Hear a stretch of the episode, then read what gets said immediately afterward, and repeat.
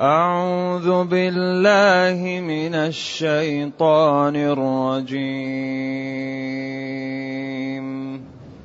ولو نشاء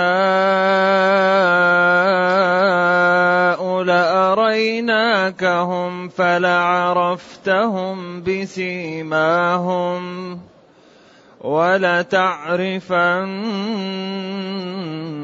ولتعرفنهم في لحن القول. ولتعرفنهم في لحن القول. والله يعلم أعمالكم. ولنبلونكم حتى حتى نعلم المجاهدين منكم والصابرين. ولنبلونكم حتى نعلم المجاهدين منكم والصابرين ونبلو أخباركم. ان الذين كفروا وصدوا عن سبيل الله وشاقوا الرسول وشاقوا الرسول من بعد ما تبين لهم الهدى من بعد ما تبين لهم الهدى لن يضروا الله شيئا. لن يضروا الله شيئا وسيحبط أعمالهم. يا أيها الذين آمنوا أطيعوا الله. أطيعوا الله وأطيعوا الرسول ولا تبطلوا أعمالكم. ان الذين كفروا وصدوا عن سبيل الله ثم ماتوا وهم كفار ثم ماتوا وهم كفار فلن يغفر الله لهم الحمد لله الذي أنزل إلينا أشمل كتاب وأرسل إلينا أفضل الرسل وجعلنا خير أمة أخرجت للناس. فله الحمد وله الشكر على هذه النعم العظيمة والآلاء الجسيمة والصلاة والسلام على خير خلق الله وعلى آله وأصحابه ومن اهتدى بهداه. أما بعد فإن الله تعالى يقول لنبيه ولو نشاء لأريناكهم. لو يشاء الله لأرى نبيه المنافقين أي لعلمه بهم وعرفه بهم. فلا عرفتهم بسيمهم ولو نشاء لأريناكهم بأعيانهم أو لألهمناك أمرهم فلا عرفتهم بسيماهم بأماراتهم وبسمتهم وبطريقتهم.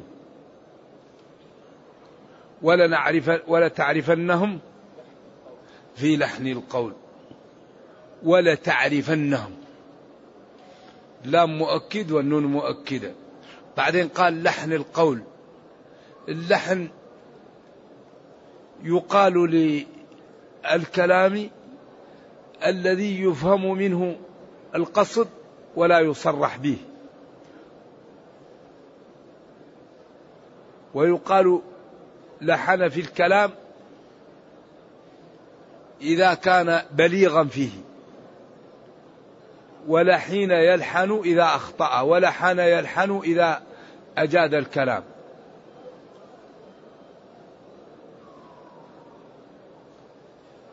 ومنه الحديث لعل بعضكم أن يكون ألحن بحجته من بعض أي أبصر بها وأقوى.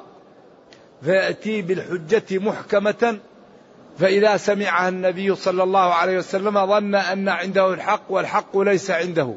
فإنه إذا حكم له بغير الحق وهو يعلم فإنما يقطع له الحرام. إذا تعرفنهم في فحوى الكلام. السياق يعرف به.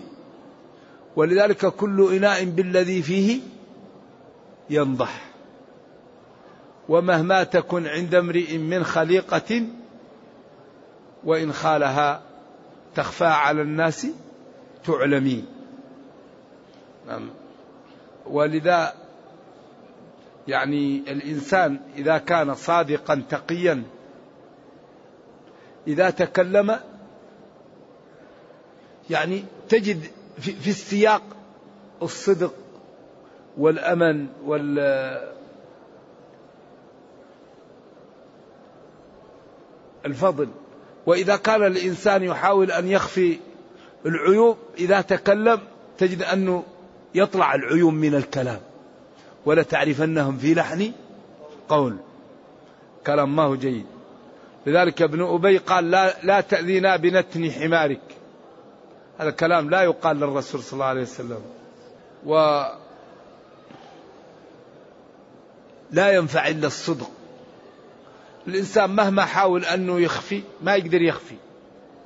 لأنه الذي في القلب لا بد يظهر. لذلك الإنسان يكون صادق مع نفسه مع ربه مع الآخرين ينزل الآخرين منزلة نفسه يحاول يكابد نفسه حتى يزيل الأمراض التي تسبب له التعويق عن عن الفضائل. لأن من أكبر ما يعوق عن الفضائل الأمراض. مرض القلب. واحد يكون في قلبه مرض النفاق مرض الشهوة مرض الرياء مرض الحسد. هذه الأمراض تمنع الإنسان عن أن يرتقي للفضائل. ولذلك إذا كان قلب الإنسان سليما سهل عليه أن يصل إلى الفضائل. إذا ولا تعرفنهم في لحن القول أي في سياق الكلام وفي عدم التصريح ولكن بالتلويح والتلميح وبالكناية وبالتعريض. تعرفنهم في ذلك. والله يعلم أعمالهم. يعني وهذا فيه تهديد وتخويف. والله يعلم أعمالهم. فيا سعادة من كان عمله طيبا. ويا شقاوة من كان عمله كفرا وضلالا وطعنا في الإسلام والمسلمين. والله يعلم أعمالكم أيها المخاطبون. نعم. ولنبلونكم حتى نعلم المجاهدين منكم والصابرين ونبلو أخباركم. والله لنختبرنكم حتى يظهر ويعلم علما تقوم به الحجة. لأن الله يعلم ما لم يكن لو كان كيف يكون. نعلم علما يكون به المؤاخذة. علما يكون به إيش؟ يكون به الجزاء. لأن الله لا يعذب الناس إلا بعد قيام الحجة عليهم. حتى نعلم علما تقوم به الحجة. علما يظهر للوجود يظهر للعيان. المجاهدين منكم والصابرين المجاهدين في سبيل الله. وقلنا إن الجهاد جهاد النفس وجهاد المنافقين وجهاد الكفار. وأكثر ما يقال الجهاد على الجهاد للكفار. نعم. وكل هذا أنواع الجهاد وقد ذكرها ابن القيم ووصلها إلى 16 نوع في أول كتاب الجهاد في كتاب زاد المعاد. فقسم الجهاد أقسام وأتى بأشياء جميلة جدا يرجع إليه. حتى نعلم المجاهدين منكم أي علما تقوم به الحجة والصابرين. على طاعة الله وعن معاصيه وعلى أقدار الله. ونبلو أخباركم أي ونختبر دخائلكم. ونختبر دخائلكم ونبلو أخباركم. يعني دخائل تظهر. ولذلك الله يقول ألف لام ميم. أحسب الناس أن يتركوا أن يقولوا آمنا. وهم لا يفتنون. ولقد فتنا الذين من قبلهم فليعلمن الله الذين صدقوا وليعلمن الكاذبين. لابد من التمحيص. ونبلو أخباركم دخائلكم وما عندكم وسرائركم حتى يظهر الصادق من الكاذب.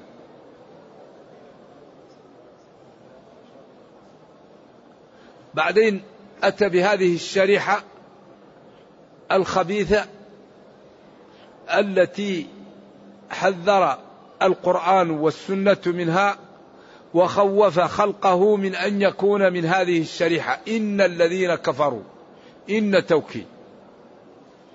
الذين جمع الذي صلة. كفروا هي صلة الموصول. إن الذين كفروا وصدوا غيرهم عن سبيل الله. من بعد وشاقوا الرسول من بعد ما تبين لهم الهدى. إذا هذه الشريحة متمردة كفرت ومنعت غيرها من الدخول في الإسلام ووقفوا في عداء ومخالفة وشقاق مع النبي صلى الله عليه وسلم ومع ما جاء به. إن الذين كفروا وصدوا عن سبيل الله وشاقوا الرسول من بعد ما تبين لهم الهدى من بعد ما أيقنوا أن هذا الذي جاءهم الحق لوضوح الأدلة والبراهين ولعجزهم عن أن يأتوا بمثله ولمعرفتهم أنه الحق سواء كانوا منافقين أو يهود أو كفار قريش.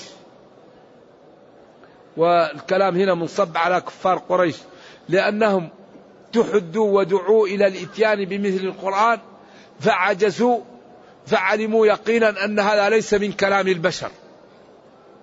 لأنهم هم أصحاب القمة في البلاغة وفي اللسن وفي الكلام وفي البيان وقد جاءهم كلام من جنس كلامهم وطولبوا أن يأتوا بمثله فعجزوا فأيقنوا أن هذا ليس من كلام البشر. من بعد ما تبين لهم الهدى الحق.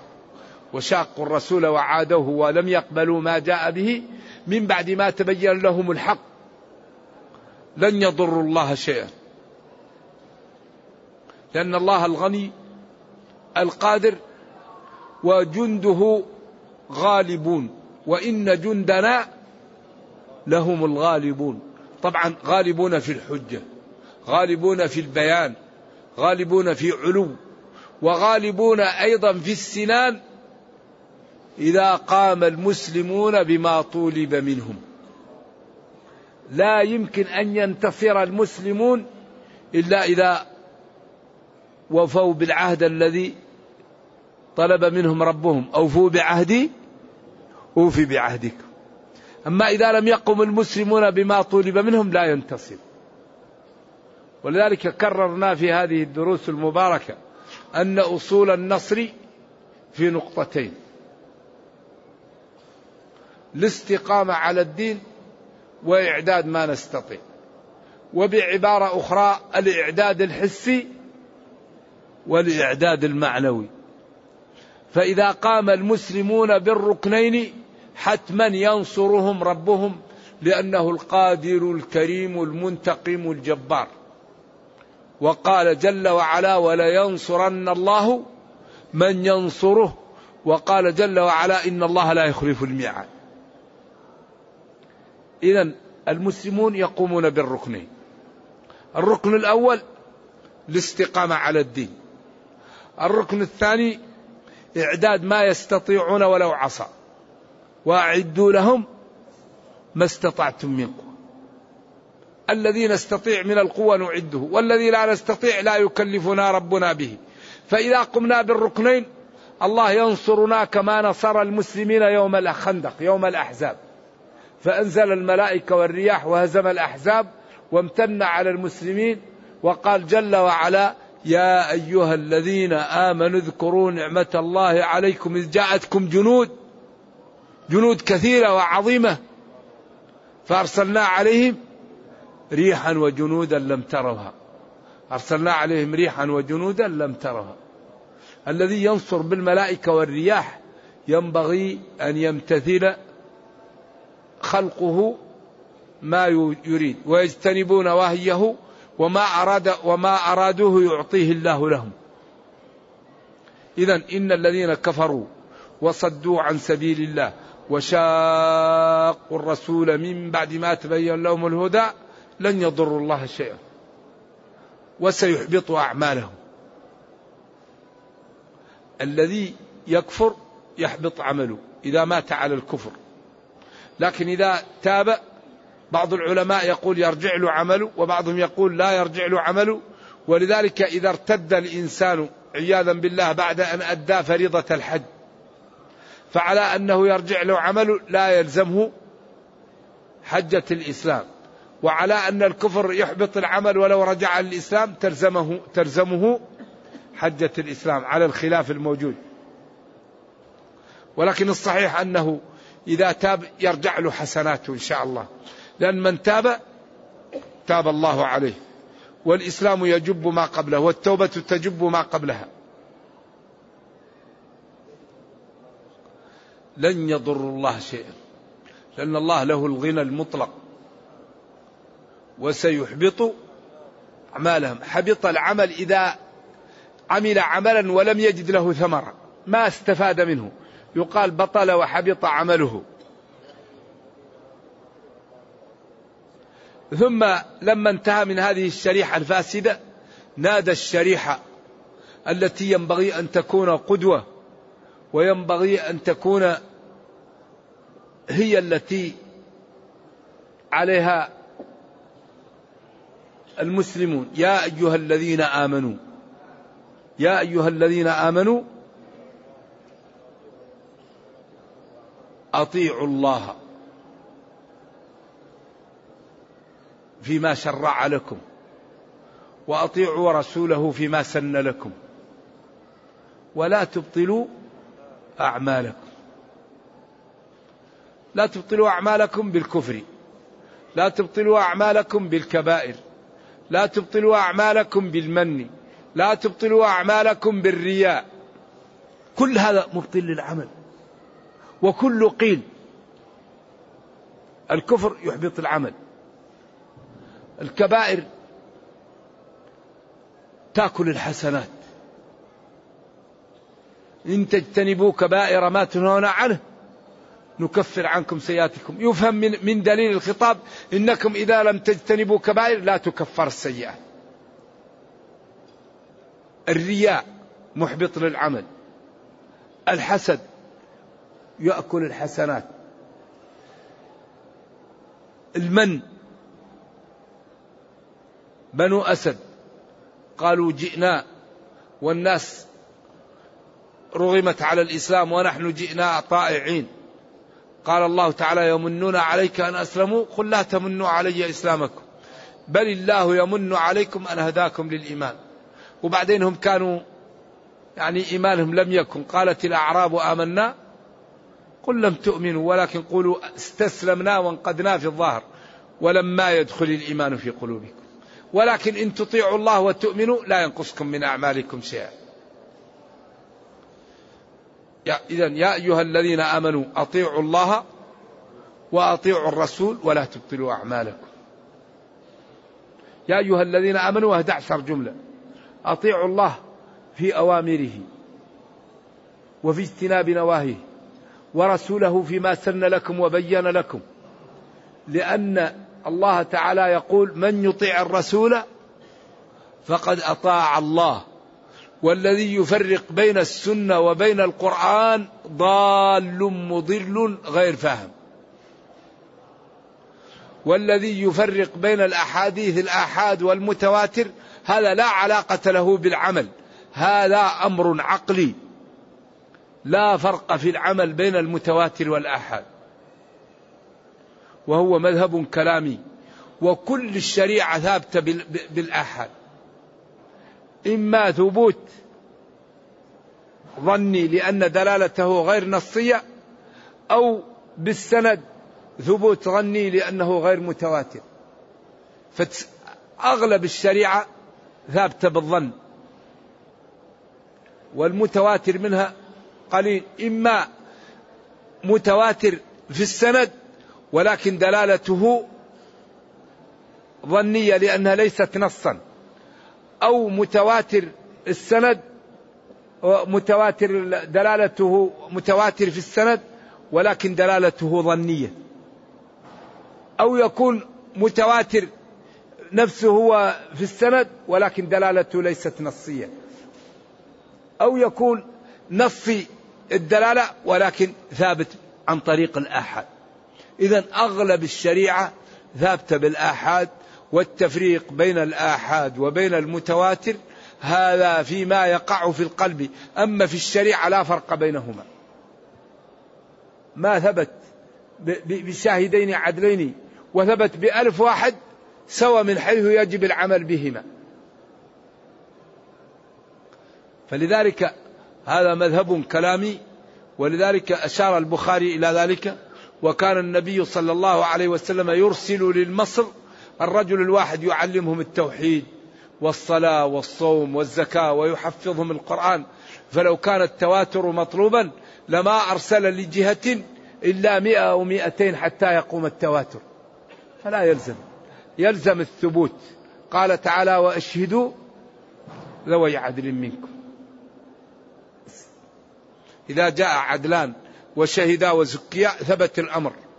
كون أنه يمكن خطأ هذا أمر آخر ملغى. لذلك أغلب الشريعة ثابتة بالآحاد وبال يعني الأمور غير غير المتواترة. فهذا مذهب كلامي. ولا تبطلوا أعمالكم. لا تبطلوا أعمالكم بالمعاصي وبالكفر وبالرياء وبالمن.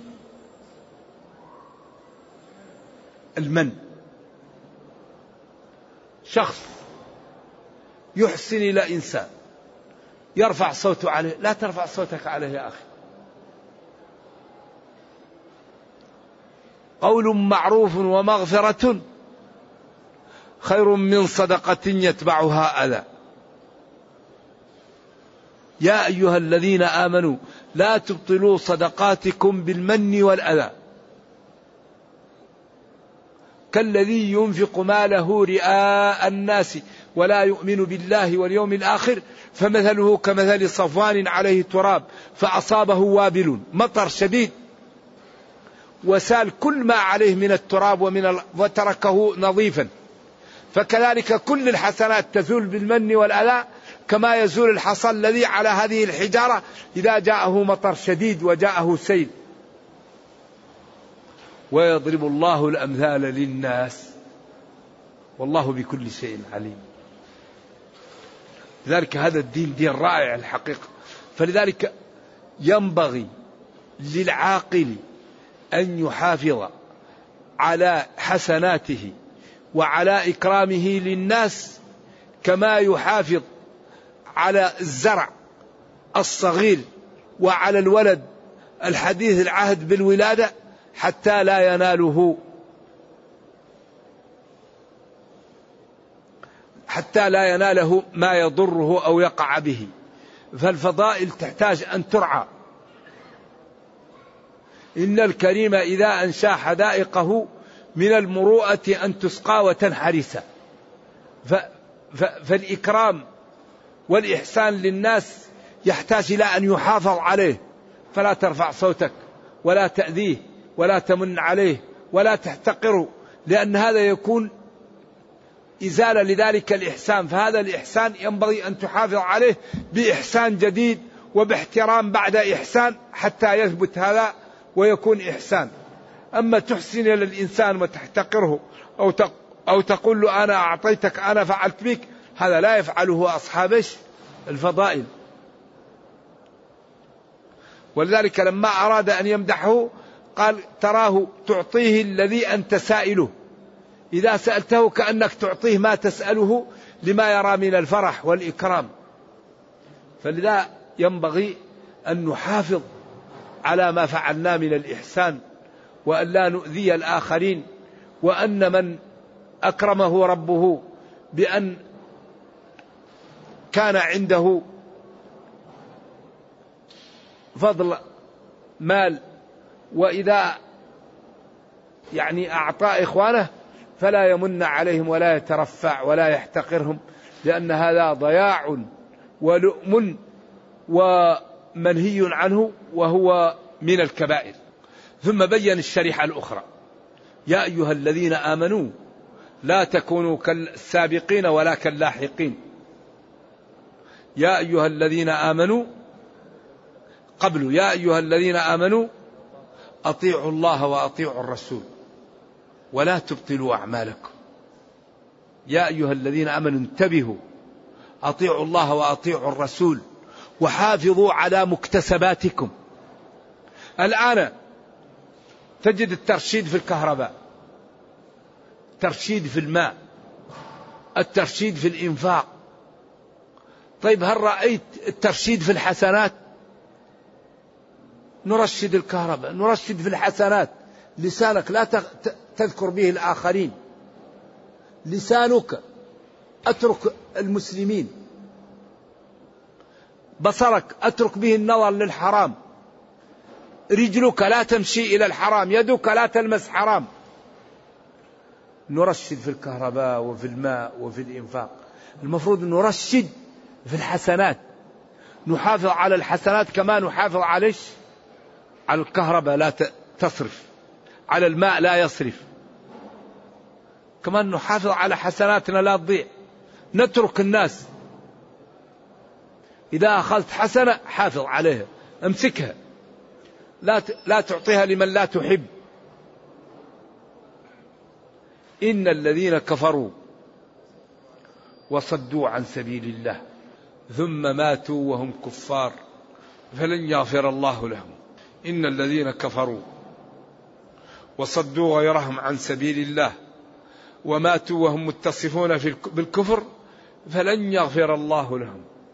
فلما سبق ولما وضح لكم لا تهنوا فلا تهنوا. وتدعوا إلى السلم إلى السلم إلى المسالمة. وأنتم الأعلون بكتابكم. وبنبيكم وبقوة حجتكم وبما أعطاكم الله وفضلكم به. ولن يتركم ولن ينقصكم شيئا من أعمالكم. أيوه والله جل وعلا معكم ناصركم. لذلك قال العلماء وإن جندنا لهم الغالبون. ولذلك جعل قسيم الغلبه القتل. قل هل تربصون بنا؟ إلا إحدى الحسنيين. فيقتل أو يغلب. المسلم ينال الشهادة أو يغلب. لذلك قال وإن جندنا لهم الغالبون. قال العلماء لا تؤمر الرسل وأتباعها بمقاتلة الكفار إلا نصرهم الله. إلا إذا كان المسلمون لم يقوموا بالشروط المطالبون بها. ولذلك كان عمر إذا شيع الجيش يقول والله لا أخاف عليكم من عدوكم ولكن أخاف عليكم من الذنوب. الذنوب الذنوب الذنوب تميت القلوب ويورث الذل إدمانها. ولم يقع المسلمون في مشكلة من يوم أحد إلى الآن إلا وسببها ذنب ولم يقع شيء للمسلمين إلا بتقاعس العلماء العارفين عن واجبهم. الدولة الأموية كان فيها المرجئة والخوارج والحرورية والرافضة وكل الفرق. وما ضر ذلك الإسلام. ووصل إلى الصين وإلى الأندلس وإلى ما وراء اثيوبيا وإلى ما وراء اليونان. ولكن لما اشتغل المسلمون عن واجبهم وانشغلوا فيما بينهم جاءهم ماذا؟ التتار وفعلوا بهم ما فعلوا. وعبد الله بن أبي بن سلول يوم أحد انخزل بثلث الجيش وما ضر ذلك المسلمين. والذي ضر المسلمين يوم أحد مخالفة الرماة العلماء العارفين. لا تبرحوا مكانكم. والذي ضيع الأندلس مخالفة العلماء العارفين وعدم قيامهم بواجبهم. إذا كل الفرق هذه لا تضر الإسلام وكل المنحرفين لا يضرون الدين. الذي يضر الدين أن أهل الدين لا يقومون بواجبهم. هذا الذي هو الخطر. ولذلك لا بد للمسلمين أن يعرفوا بعض. يا أيها الذين آمنوا اتقوا الله وكونوا كيف نكون مع الصادقين وأنا لا أعرفهم. لا بد للمسلمين أن يتعاونوا وتعاونوا على البر والتقوى. لا بد للمسلمين أن يعدوا العدة لغير المسلمين لأن الله يقول وأعدوا لهم ما استطعتم.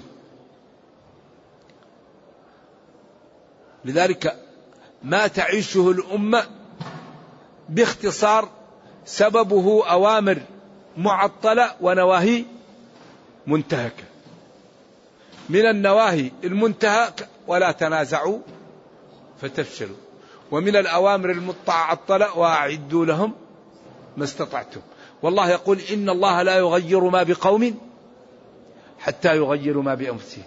فحري بأهل الفضل والشرف والنبل من المسلمين أن يعرفوا بعضا وأن يتعاونوا على البر والتقوى وأن يكونوا مراكز عملاقة لانتشال العالم من الضلال والكفر لأن هذه الأمة عندها كنز لا ينفد وهو هذه الشريعة. فتجلب للعالم السعادة والرخاء والأمن والطمأنينة.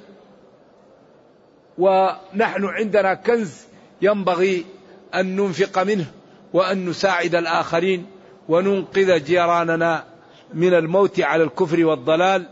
وهذا الكتاب كل قضية محلولة فيه. كتابنا كل قضية محلولة فيه. هذا ليس عاطفة وليس مبالغة. لأن الله يقول ونزلنا عليك الكتاب تبيانا لكل شيء. ما فرطنا في الكتاب من شيء. كل شيء أصول موجودة في الكتاب. فحري بنا أن نهتم بمراكز قوية عملاقة جادة تبين للناس جمال الدين وحسنه وحل مشاكل العالم والطرق التي تسعد بها البشرية وتبين للناس طرق الضلال والانحراف والطرق التي تسبب للعالم الدمار والضياع. ومن أكبر أسباب دمار العالم هو ماذا؟ الربا. لا يوجد شيء في هذا الكون أخطر من الربا إلا الكفر. وإن لم يقلع أهل سكان الأرض عن الربا فالذي سيقع لا يعلمه إلا الله. هذا لا بد يعرفه الناس. إذا لم يقلع سكان الأرض عن الربا فالذي سيقع للأرض لا يعلمه إلا الله. واسمعوا قول الله يمحق الله الربا. يا أيها الذين آمنوا اتقوا الله وذروا ما بقي من الربا إن كنتم مؤمنين فإن لم تفعلوا فأذنوا بحرب. ومن أصدق من الله قيلا. قوله الحق. وبعدين من انتهى فله ما سلف. وبعدين قال فإن تبتم فلكم رؤوس أموالكم لا تظلمون ولا تظلمون. فلنبادر بترك الربا لأن خطورته لا يعلمها إلا الله. هل يلتطم المحيط الأطلسي بالمحيط الهادي؟ هل يأتي زلزال؟ ما لا يأتي. فحري بالعقلاء أن يتعاونوا على الكف عن الربا وأن يوجدوا تعاملات حلال حتى لا تغرق البشرية في, أشياء لا يعلمها إلا الله بسبب المعاصي. أخطر شيء بعد الكفر الربا. قال العلماء أدنى نوع من الربا كمن يأتي أمه علنا. قال العلماء أغلب الكبائر عليها عقوبة وعليها حدود الربا ما عليه حد لعظمه. والله تعالى أباح لنا البيع. أحل الله البيع وحرم الربا. فأتانا بدل الربا بالبيع الحلال. والشيء القليل حلال أبرك وأنفع. والشيء الكثير النجس ينجسك وينجس بيتك وأولادك ونفسك. ولا يبارك لك في أي شيء عندك لأن الله يقول يمحق الله الربا ويقول ومن أصدق من الله قيلا. فحذاري حذاري. التوبة تجب ما قبلها. فلا تهنوا أيها المسلمون وتدعوا إلى السلم إلى السلم وأنتم الأعلون والله معكم. ولن ينقصكم أعمالكم. إذا ولكن قال وإن جنحوا للسلم أو السلم فاجنح لها. وقال يا أيها الذين آمنوا ادخلوا في السلم أي في الإسلام كافة. كافة حال من الواو أو من الجار والمجرور. ادخلوا في السلم كلكم أو ادخلوا في السلم كله أي صوموا وزكوا وتصدقوا واعملوا كل أبواب الخير. فكافة يمكن حال من الجار والمجرور أو حال من الواو. وهذا من إعجاز القرآن ومن جمعه. إذا من اليوم نحاول أن نبتعد عن الربا وعن بيع الغرر والجهالة وننظف بيوتنا ويكون أكلنا حلال. فإذا دعونا الله استجاب لنا. وإذا ركعنا وجدنا الخشوع. وإذا عادانا شخص دمره ربنا. من عادى لي وليا فقد آذنته بالحرب. ولا يمكن الإنسان أن يكون من الأتقياء إلا بالمجاهدة. والذين جاهدوا فينا لنهدينهم سبلنا. ومن أخطر ما يسبب عدم إجابة الدعوة ما لا؟ أكل الحرام الربا النجش الرشاء الغرر يدعو وملبسه حرام ومشربه حرام وغذي بالحرام أنا يستجاب له أنا يستجاب لذلك. لذلك أطم مطعمك تستجب دعوتك. نرجو الله جل وعلا أن يطعمنا الحلال. وأن يجعلنا من المتقين وأن يرحمنا ويتجاوز عن سيئاتنا. اللهم أرنا الحق حقا وارزقنا اتباعه وأرنا الباطل باطلا وارزقنا اجتنابه. ربنا أتنا في الدنيا حسنة وفي الآخرة حسنة وقنا عذاب النار. اللهم اختم بالسعادة آجالنا وقرم بالعافية غدونا وآصالنا. واجعل إلى جنتك مصيرنا ومآلنا. سبحان ربك رب العزة عما يصفون وسلام على المرسلين. الحمد لله رب العالمين صلى الله وسلم وبارك على نبينا محمد وعلى آله وصحبه والسلام عليكم ورحمة الله وبركاته. هل يجوز للإنسان أن يصلي على كرسي ويسجد على كرسي آخر إذا لم يستطع السجود على الأرض؟ نعم. إذا لم تستطع السجود أسجد على الطريقة التي يمكن تسجد بها على كرسي أو تومي. كله سهل إن شاء الله. صل قائم. فإن لم تستطع فجالس فإن لم تستطع فمتكئ. المهم أن الإنسان ما دام عنده عقله لا تسقط عنه الصلاة ويصليها بالطريقة التي يستطيع ولا يكلف الله نفسا إلا وسعها. هذا نرجو الله لنا ولك التوفيق. يقول يقول عبد القاهر الجرجاني بأن هناك معنى ومعنى المعنى. هل لذلك شواهد من كتاب الله مع التوضيح؟ هذا يبقى الواحد يأخذ كتاب دلائل الإعجاز ويجلس وبعدين يأتي بالأسلوب وبعدين يبين. نعم. ما نصيحتكم لمن يريد تدبر القرآن؟ الذي يريد أن يتدبر القرآن يقرأ القرآن ويتأمل فيه. وسيجد أن الصفحة إذا قرأها تنقسم أربع أقسام. قسم يرى أنه فهمه مئة في المئة وقسم يرى أنه لم يفهمه مئة في المئة وقسم يرى أنه فهمه سبعين ثمانين في المئة وبعض عشرة في المئة. فإذا قرأ الصفحة وتأملها يرجع للتفاسير. وهكذا. ما الذي فهمت ما الذي ما فهمت ترجع للتفاسير. فإذا تأملت القرآن ورجعت للتفاسير رسخ في ذهنك المعنى الذي أشكل عليك أول. ولذلك هذا هو التدبر أنت تتأمل في الآية. تعرف ماذا قبلها ماذا بعدها الضمير أين مرجعه الكلام أين ذاهب. هل هو في الترغيب أو الترهيب أو الأحكام؟ أو هو في القصص؟ أو هو في التوحيد؟ أو هو في النبوات؟ أو هو في يوم القيامة؟ فإذا قرأت أو هو مشترك فأنت إذا قرأت تتأمل وترجع للتفاسير وبعدين تقرأ القرآن وكل ما أشكل لك شيء تسجله وترجع للتفاسير. يقول كيف نجمع بين قوله تعالى ولا تزر وازرة وزر أخرى؟ والحديث من سن سنة سيئة فله وزرها ووزر من عمل بها. هذا هو هذا هذا وزر هذا لا يعارض الآية. ولا تزر وازرة وزر أخرى. ولكن هذا وزر هو الذي أخذ به لأنه سن سنة سيئة وضل الآخرين. فعليه وزره ووزرهم لا ينقص ذلك من أوزارهم شيء. والعكس من سن سنة حسنة فله أجرها وأجر من عمل بها لا ينقص ذلك من حسناتهم شيئا. هذا لا تعارض بينه. ما تفسير قوله تعالى الله نور السماوات والأرض. الله هو نور السماوات والأرض. جل وعلا نورهما بالرسل وبالشمس والقمر. مثل نوره أي الإيمان به في قلب المسلم كمشكاة فيها مصباح للمصباح.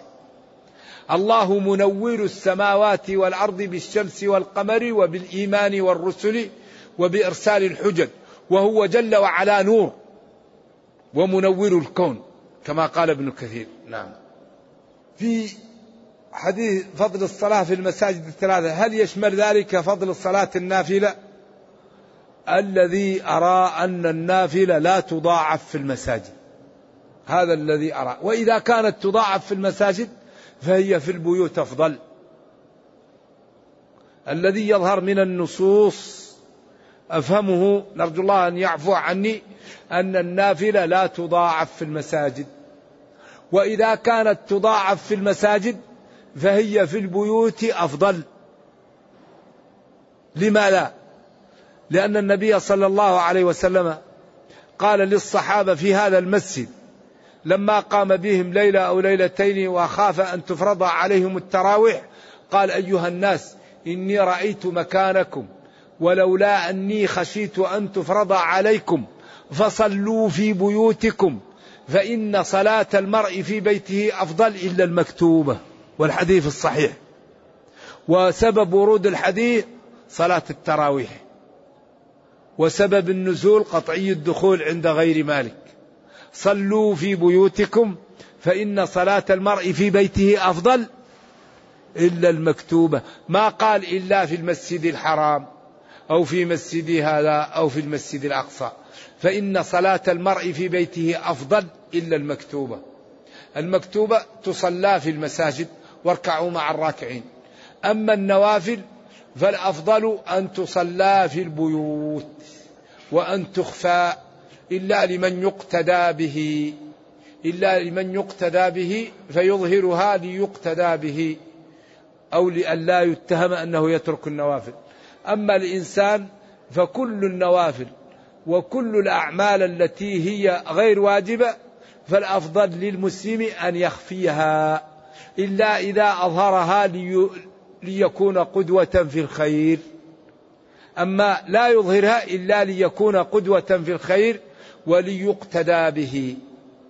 أما إذا أظهرها فذلك مظنة للرياء ولقلة الأجر. نرجو الله السلام والعافية. ولذلك قال إن تبدوا الصدقات فنعما هي. وإن تخفوها وتؤتوها الفقراء فهو خير لكم. وإن تخفوها وتؤتوها الفقراء فهو خير لكم أفضل لكم. هذا الإسلام كل شيء محلول فيه بس لا بد أن نعطيه وقتا. هل الجوالات الآن تكفي في صلة الرحم؟ تخفف.